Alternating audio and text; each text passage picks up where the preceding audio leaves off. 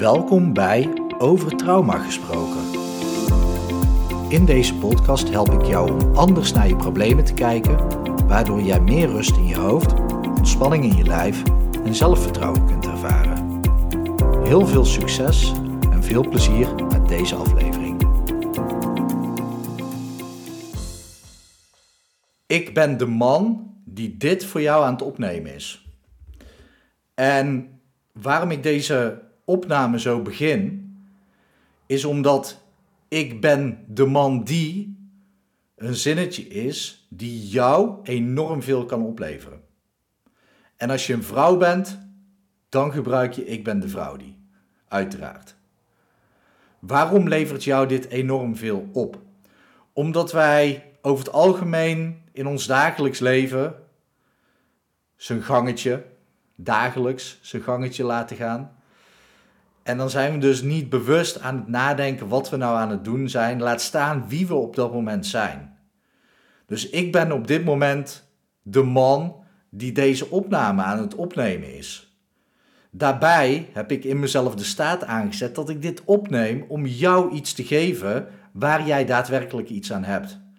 En die twee dingen helpen mij om in ieder geval de focus te hebben in deze opname. En waarschijnlijk is hij ook een heel stuk beter dan wanneer ik zo even hup in beeld zou wandelen en zeggen: Oké, eh, we gaan het vandaag hebben over. Wat overigens een hele rare zin is, omdat ik gewoon zelf tegen een camera en microfoon aan het praten ben. Maar het helpt je dus heel erg om bewust stil te staan, heel even een moment te pakken en tegen jezelf te zeggen: Ik ben de man of vrouw die. En dan kan je dat invullen. Je kan daar gedrag achter zetten, maar het werkt echt fantastisch op identiteitsniveau. Identiteitsniveau is handig op het moment dat je het goed toepast en bewust toepast. Dus op het moment dat jij gaat sporten en je zegt tegen jezelf: Ik ben een sporter. Superhandig. Bij gedrag waar je vanaf wil, is het niet handig om te zeggen: Ik ben. Ik ben onzeker. Ik ben depressief. Dat, dat werkt niet goed. Ik ben en dan je naam, dat werkt het beste. Ik ben Paul. En Paul heb ik ook van mijn ouders gekregen. Dus dat is al een lastig concept. Dus bij gedrag werkt het het beste om te zeggen: ik doe.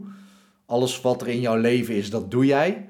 Al het gedrag, ook allergieën, alles wat je fysiek onderneemt, alles wat jouw lichaam doet, doe jij, maar ook je gedrag. Maar als jij op identiteitsniveau voortaan bij alles wat je doet, eerst denkt: ik ben de man of vrouw die, of ik ben, en daar een identiteit aan koppelt, dan levert jou dat enorm veel op in je leven.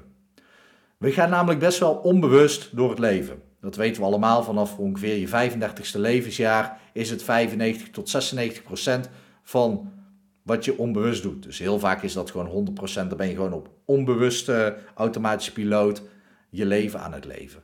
Op het moment dat jij dus elke keer even een moment pakt en bedenkt van oké, maar wie ben ik in deze situatie, in de volgende situatie, dan helpt je dat.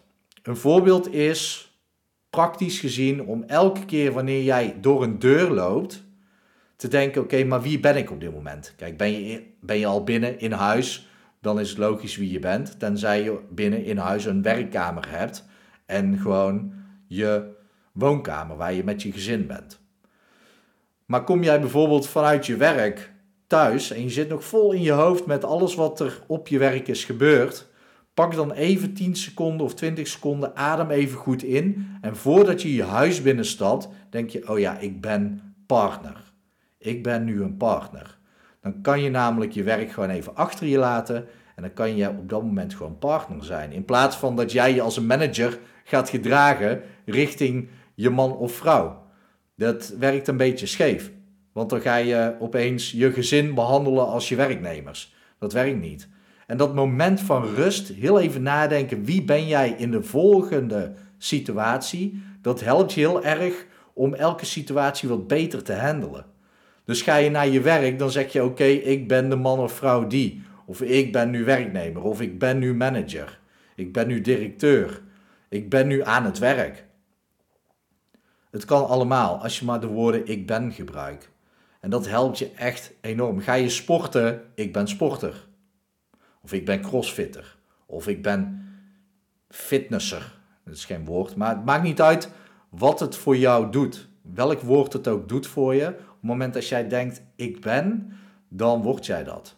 Dit is een techniek en het klinkt een beetje als uit de mouw geschud of zelf even in elkaar geknutseld.